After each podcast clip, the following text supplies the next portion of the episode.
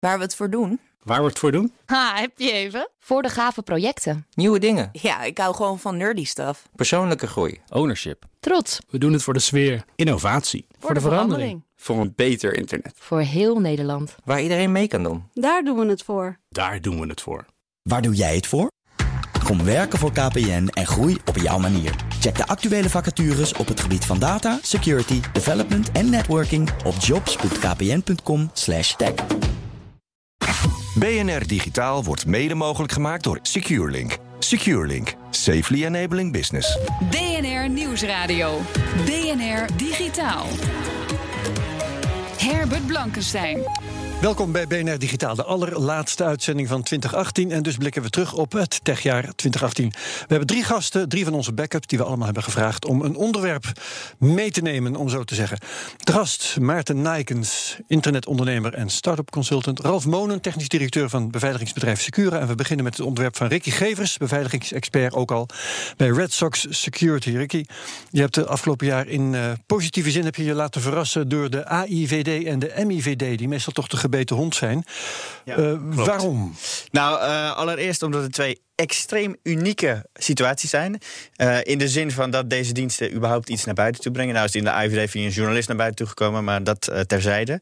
Ten tweede, en dat is voornamelijk bij de IVD relevant, dat de omvang en de grootte van deze prestatie echt uniek is en wellicht uh, once in a lifetime voor maar de wat was de prestatie? Herinner ja, ons daar even aan. Uh, de prestatie, het is begonnen in januari uh, 2018, begin dit jaar is het allemaal gebeurd. Uh, toen, toen heeft de AIVD, uh, uh, of is er in ieder geval via Huib Modderkolk naar buiten toegekomen en de Volkskrant, Volkskrant ja. dat de AIVD in 2014 het gelukt is om een computernetwerk te hacken van Russische overheidshackers. En dat is de zogenaamde Cozy Bear hackersgroep. daar hebben ze ongeveer 2,5 jaar toegang tot dat netwerk gehad. Dat is puur toeval geweest dat ze daar binnen zijn gekomen. Hackers gehackt dus. dus eigenlijk ja, de hackers ja, hebben de hackers gehackt. Ja. En het meest bijzondere misschien nog wel aan die hack is dat ze ook een camera binnen dat, uh, die ruimte hebben weten te hacken. En dan hebben ze dus foto's van de personen die daar in en uitliepen weten te maken. Uh, en dus 2,5 jaar lang mee kunnen kijken met de operaties die daar gaande waren. En één van die operaties is de hack op de DNC geweest. Uh, nou, de Democratic in... National Congress. Ja, exact. En de Amerika. hack op die partij, op de Democraten in Amerika, die heeft zoveel invloed gehad de afgelopen jaren. dat het absoluut voor mij duidelijk is dat dit een van de allerbelangrijkste dingen is die zeker onze IVD uitgevoerd hebt. Nou weet ik natuurlijk niet wat ze nog meer uitvoeren... maar dit is in ieder geval een van de dingen die naar buiten is gekomen. Nee, vraag me ook die... heel erg af of die mensen bij de AIVD... nou heel boos op Huib Morrekolk zijn, dat of juist dus niet. Af. Ja. Of dat niet stiekem toch iets uh, is geweest... waar ze best wel uh, trots op waren... en wat ze best ja. wel in de publiciteit wilden hebben. Ze hebben toegang gehad 2,5 jaar... en daarna is die toegang verloren. Dus dan zou je kunnen zeggen van... nou, zoiets mag daar naar buiten toe komen... omdat die toegang toch al kwijt is. Maar ik kan me aan de andere kant ook heel goed voorstellen... dat er daar medewerkers zijn die hier echt niet blij mee zijn. Ja, Oké, okay, uh, Maarten Naakjes wil het zeggen. Wat was het toeval waar je dan over hebt? Uh, je zei dat ze toevallig zijn binnengekomen. Dat, ja, uh, nee, dat weet ik niet. Dat, dat, dat is niet bekend. Dat staat in het artikel van Huip eigenlijk. Ze dat een van de niet omschrijven hoe dat gebeurd is. Ja, ik kan me heel goed voorstellen. Ik weet zelf hoe dat hek een beetje toe, eraan toe gaat.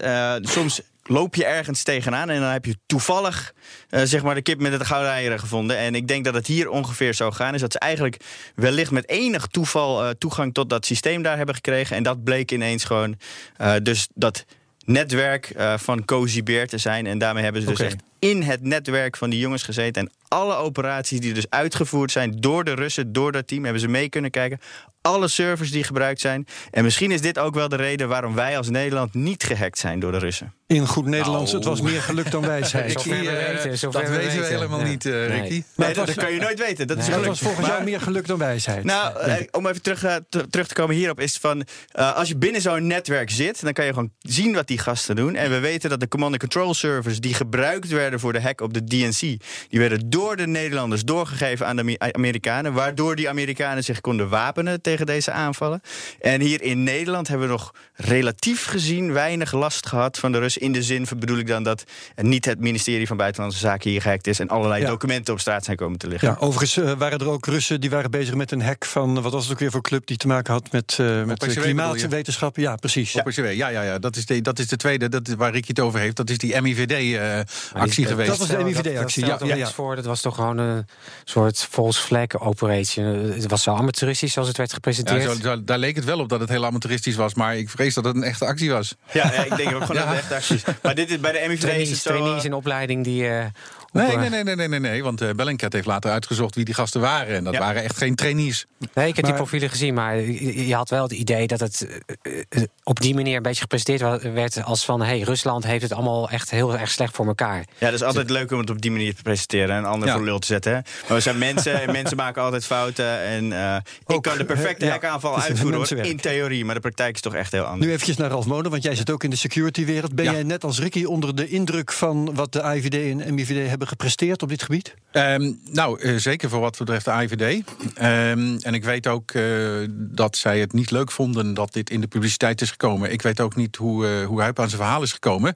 Ehm, maar je, ja, je moet je altijd Amerikaanse afvragen. bronnen. Dat vind ik ja, dat weet ik. Ja. ja. Maar, maar je mag je dus altijd afvragen: waarom hebben ze ervoor gekozen om dat dan kennelijk via een Nederlandse journalist de wereld in te brengen? Daar, daar moet iets achter zitten natuurlijk. Want normaal gesproken houden die diensten hun mond over Ja. dit soort dingen. En Want je laat je capaciteiten laat je niet kennen. Hè? Dat is Mhm. regel 1 in de intelligence. Is, je laat nooit aan de tegenstander blijken wat je werkelijke capaciteiten zijn. En dat is hier wel gebeurd. Dus daar is iets aan de hand. Maar je hebt daar geen veronderstelling over. Nou, ik denk dat het gewoon iets met de politieke situatie in Amerika te maken heeft. Ja, ik, vind, uit. ik vind dat een leuke vraag. Ook als je kijkt naar de twee dingen die naar buiten zijn gekomen. De eerste is dus eh, gelekt via een journalist. Dat is een mooie. En de tweede is het de MIVD zelf geweest Ja. die het keurig naar buiten heeft gehad. Dan zou het zomaar kunnen zijn dat er een, ergens een beslissing is genomen van shit, weet je, dat lekken heeft toch niet het gewenste effect gehad. Laten we het nu maar zelf naar buiten toe brengen. Als het een politieke dis- eh, beslissing geweest is. hè. Mhm, ja. Eh, Ja. Feit blijft verder wel dat het Huip heeft er zeven maanden over gedaan om dat hele onderzoek op gang te krijgen. En heeft zich grotendeels gebaseerd op de Amerikaanse bronnen daar, daarbinnen. Ja, want je kunt veronderstellen dat de AIVD en de MIVD wel leuk zouden vinden om een keer het vertrouwen te winnen van het eh, publiek of van de politiek. Ja, dat om zou steun te kunnen. krijgen voor eh bepaalde wetgeving of Ja. voor hun eigen Ja, die timing was inderdaad ook wel opvallend toen. Hè? Want toen hadden Ja. we net die sleepwet eh, die, er, die er doorkwam. En plotseling kwam de IVD positief in het nieuws. Ja, dat was wel een ding, ja. Dus dat is dan een veronderstelling die je kunt hebben. Ja, ik denk niet dat het wat mee te maken had. Het is het, het, het- ik denk toch dat dat een toeval was. Ja. Ja. Ik denk echt dat het meer te maken had met de politieke situatie in Amerika. Ja. Ja. In Amerika Ehm, wordt veel gelekt ook op dit moment natuurlijk. Ja. Ja, Sinds Trump aangekomen is, wordt er van alles via al die diensten naar buiten toe ge- gestuurd. Ja, ik weet dat eh, Ronald Prins altijd pleit voor eh, meer. Die was bijvoorbeeld ook erg voor die wet, voor Ronald Prins van Fox IT. Ja. eh, voor meer bevoegdheden, of in elk geval eh, veel bevoegdheden voor Het is niet zo gek dat hij daarvoor is natuurlijk. Hij hè? werkt ook voor ze, toch? Nou Nou, ja. werkte en zijn bedrijf is natuurlijk mede gefund door de IVD. Ja, En ik wil graag precies, dus weten- hij werkt, Hij werkt voor controleert de IVD. En ik wil graag weten wat jullie daarvan vinden. Nou, ik denk, ik, ik, ik, ik denk wel dat er dingen aangepast moeten worden. In nou, nou ja, kijk, eh, ehm, de, de mogelijkheden die ze hebben op dit moment, die zijn wel wat beperkt. Ja, nu inmiddels is die wet aangenomen, hè, dus eh, die, eh, Ja. die- ze Ja. hebben nu uitgebreidere bevoegdheden. Wat mij betreft zijn die dan weer nu iets te ruim. Want er, er daar moest wel was wat nieuws gebeuren. over recentelijk. Hè? De, eh, de privacygaranties werden niet voldoende, waren niet voldoende en werden niet voldoende nageleefd. Ja, ja, ja, nee, dat klopt inderdaad. Want de CTIVD, dus dat is een commissie van toetsing van inlichting en veiligheidsdiensten, die, die, die heeft daar dus nu een mening over gevormd. En ja, daar, daar zijn wel wat dingen naar voren gekomen. Ja, ja. Ricky, moeten we trots zijn op onze eh, inlichtingen en veiligheidsdiensten? Ja, absoluut. Deze actie is ook dus, eh, wat ik zei, once in a lifetime. Waarschijnlijk. Ik hoop het niet. Maar... En Ralf, ben je het daarmee eens? Ja, het, het was natuurlijk hartstikke goed en eh, leuk om te zien. Ja, zeker. Maarten Pluim. Nijkens? Ja, absoluut eens natuurlijk. Maar het is een beetje een spannend jongensboek zo. BNR Nieuwsradio. BNR Digitaal. BNR Digitaal. En we blikken terug op 2018. Eh, Maarten en Ralf, jullie hebben een onderwerp gekozen dat in elkaars verlengde ligt. Het gaat over eh, Facebook en datalekken. Eh eerst in het algemeen. Hè. Iedereen, eh, inmiddels kun je zeggen dat praktisch van iedereen wel gegevens op straat liggen. Ehm, is de gegevensbescherming die we hebben in het algemeen een wassen neus? Ik vraag het eerst maar eens eventjes aan Ralf Monen. Waarom gaat het zo vaak fout? Ja, geldbejag. Eh, weet je, winstbejag. Eh, eh, de veiligheid van de gegevens die is verreweg ondergeschikt aan de winsten van de bedrijven. En dus gaan ze weinig geld stoppen in de beveiliging daarvan. Sterker nog, Facebook, het hele model is erop gebaseerd om dat spul te verkopen. Ja. Dus ja, dan, nu dan gaat dat gewoon AVG die dat geacht wordt in toon te houden. Ja, maar dat, dat voor, nee, voor Facebook is dat toch helemaal niet relevant? Nee? De Nee. AVG is wel relevant voor Facebook. Nou, ik Ze denk, denk niet dat ze zich daar veel van aan... Nou ja, Nee, Ja, ze hebben ook hun, Ja. eh, voorwaarden, gebruikersvoorwaarden gewoon op aangepast. Hè, dat je gewoon toch instemt met van alles en nog wat. Waardoor zij wel compliant zijn aan die AVG. Dus ze fietsen er heel makkelijk omheen. Want iedereen klikt op akkoord. Ja, precies. Ja. Dus dat is ook opgelost.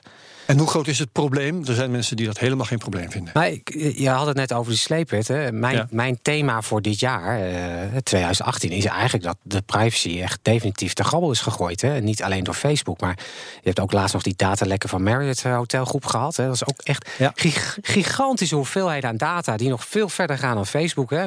Creditcardgegevens, paspoortgegevens. Ik dacht, hoe, want dat was een, half, een half miljard. Ja, maar ik was verbaasd over hoe weinig daar verder over geschreven is in Ik de was verbaasd media. over dat een hotelketen zoveel, van zoveel mensen gegevens kan hebben. Nou lijkt wel of de halve dit zijn- wereldbevolking daar klant is. een- Dat kan toch ja, helemaal niet? 350 miljoen. eh, eh, ja, Ik dacht dat het zelfs nog iets meer was. Maar je had ook laatst een Chinese groep. Hè, ik dat kijk niet op 100 miljoen in dit verband. Nee, maar de Chinese groep was hetzelfde aan aantallen. Dus als je het allemaal bij elkaar optelt, eh, giga aantal gegevens. En, Ja. en dan denk ik inderdaad van de, de waarde van privacy is echt zo ver uitgehold. En ook hoe dat beschermd wordt. Ik zie dan ook niks daar tegenover staan voor, Nee. voor de mensen. En, dat, Aan de andere Facebook, kant- Facebook werd er heel veel over geschreven natuurlijk. Hè, want dat wordt direct gekoppeld aan invloed in eh, politiek en aan, en, aan winstbejag. Hè, en terecht ook.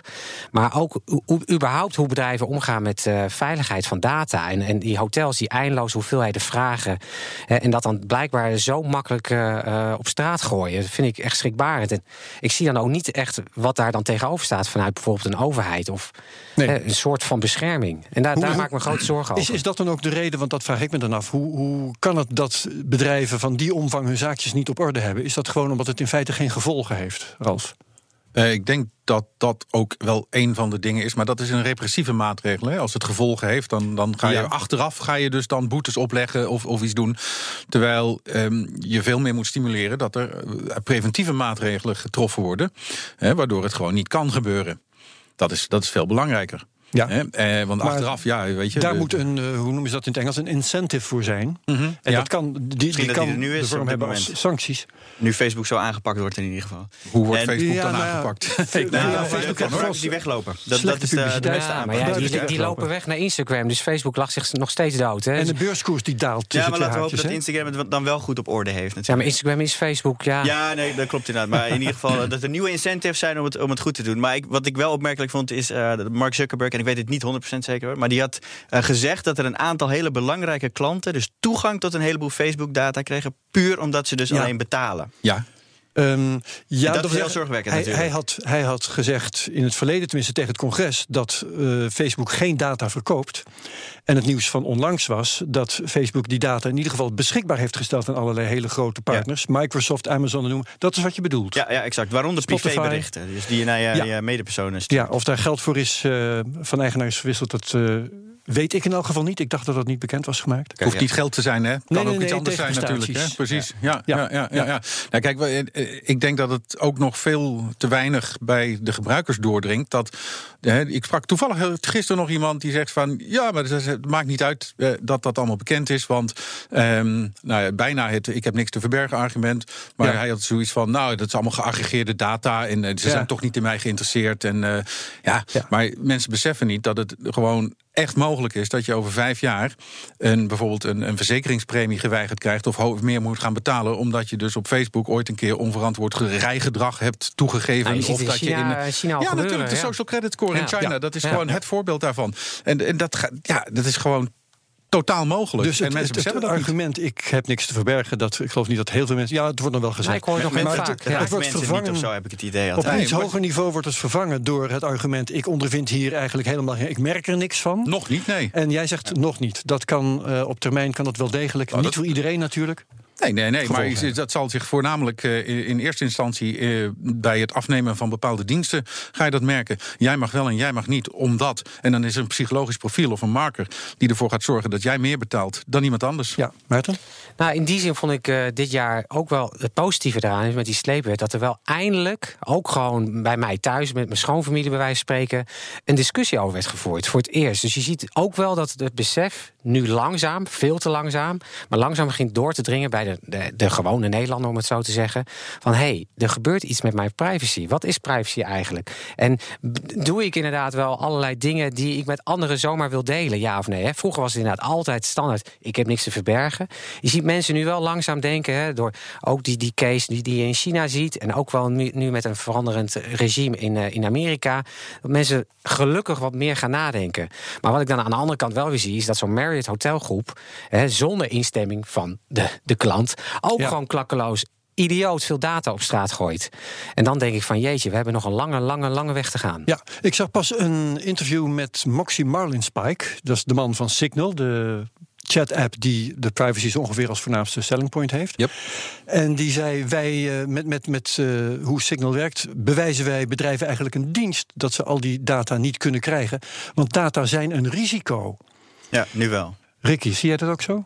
Ja, inderdaad. Met de AVG Data vooral. hebben is een risico. Ja, eigenlijk moet je als bedrijf zijn op dit moment gewoon zo min mogelijk data van je klanten Ja, willen hebben. Dat staat ook inderdaad in de AVG. ja, en dat is hoe we eh, in feite het, eh, onze recht op privacy proberen te waarborgen op dit moment.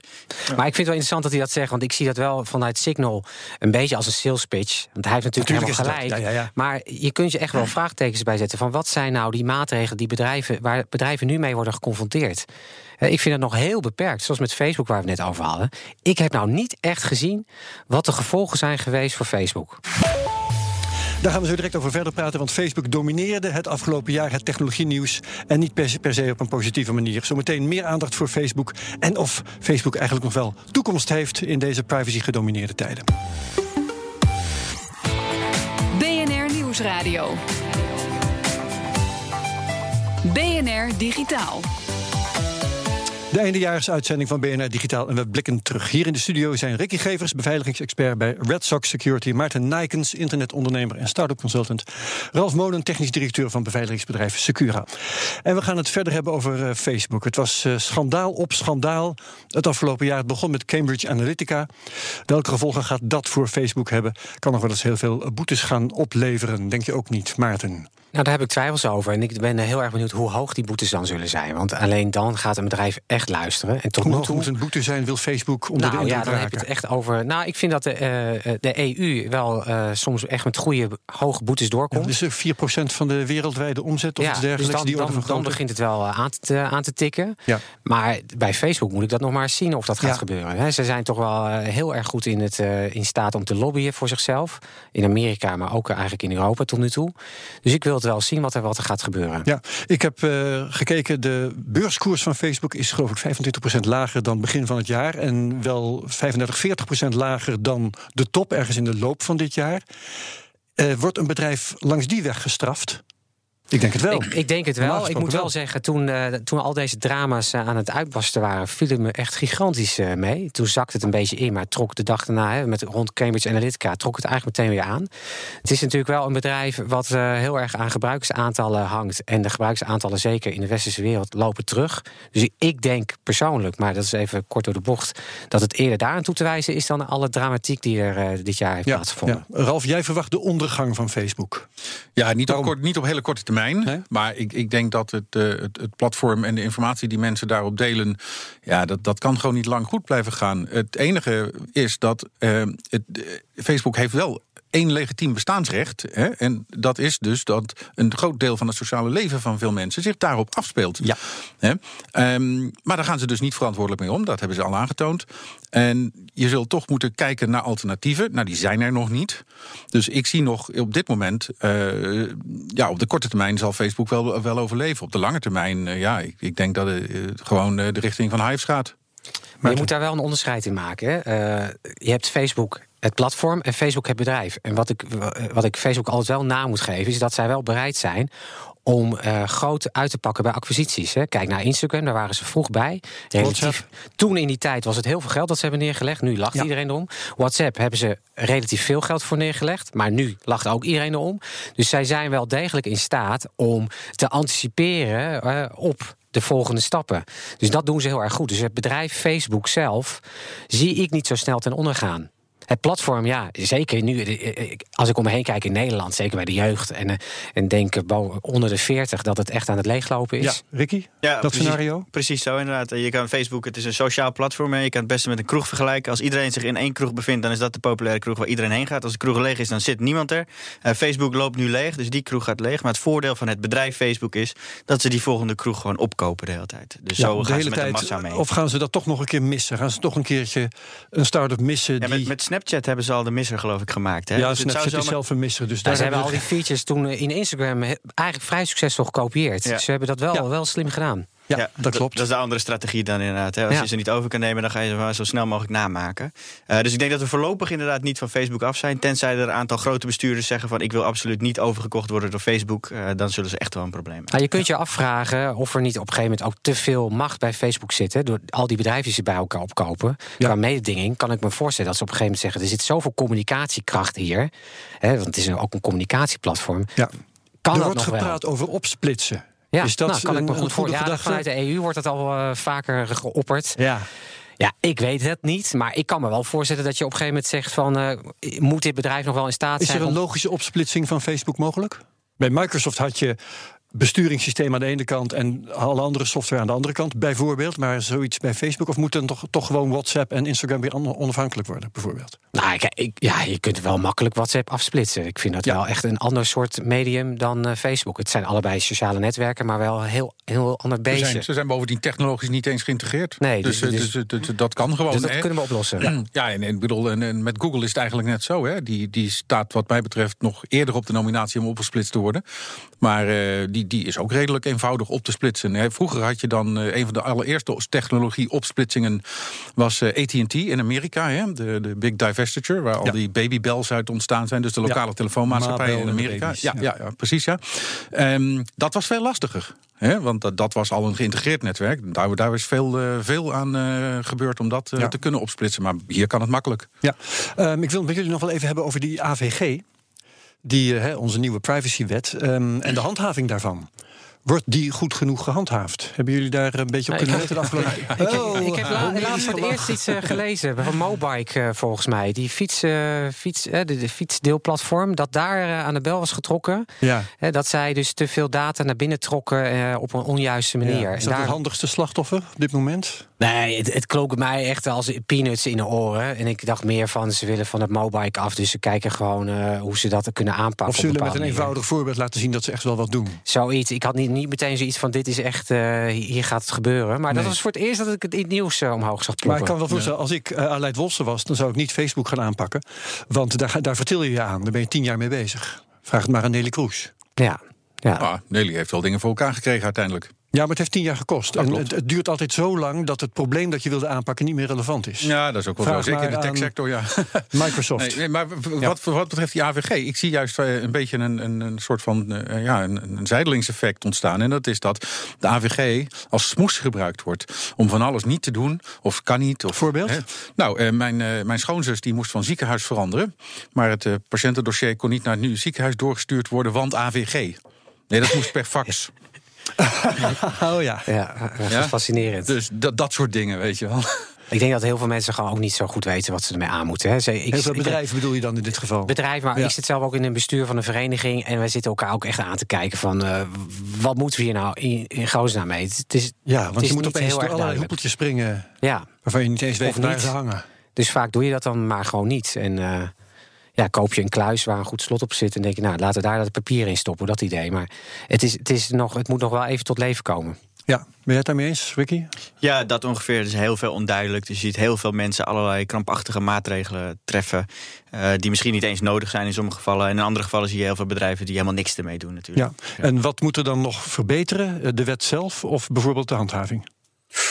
Ik zou niet direct iets weten. Eh, ik denk dat we gewoon even vooruit in de tijd moeten. En dan krijgen we jurisprudentie eromheen. En dan wordt het allemaal wat duidelijker en helderder. Ralf? Nou ja, dat handhavingsaspect, dat eh, kan ik wel onderschrijven. Want eh, er zijn nu maar een handjevol mensen hiermee bezig eh, bij de autoriteit persoonsgegevens. En eh, ja, die kunnen natuurlijk nooit al die datalekken echt goed gaan beoordelen en bestraffen. Maarten, tot slot. Ja, eens. En ik denk waar, de, waar de uiteindelijk ook naar gekeken moet worden, is de centralisatie van informatie. Hè? Hoeveel, hoeveel informatie durf je nog op, op één plek samen te brengen? Dat wordt gewoon levensgevaarlijk. Oké, Dank voor de aanwezigheid bij deze eindejaarsuitzending van BNR Digitaal. Ralf Monen, technisch directeur van beveiligingsbedrijf Secura. Ricky Gevers, beveiligingsexpert bij Red Sox Security. Maarten Nijkes, internetondernemer en start-up consultant. Dit was BNR Digitaal voor 2018. We horen wel graag wat je van het programma vindt. Vragen, klachten, complimenten kunnen naar digitaal.bnr.nl of naar BNR Tech op Twitter. Luister ook eens naar de podcasts De Technoloog of De Cryptocast. We hebben er vele. En terugluisteren, ook van BNR Digitaal, kan via de site, de app, iTunes of Spotify. Volgende week dan kijken we vooruit naar 2019. Heel graag tot in het nieuwe jaar. Dag. BNR Digitaal wordt mede mogelijk gemaakt door SecureLink. SecureLink. Safely enabling business.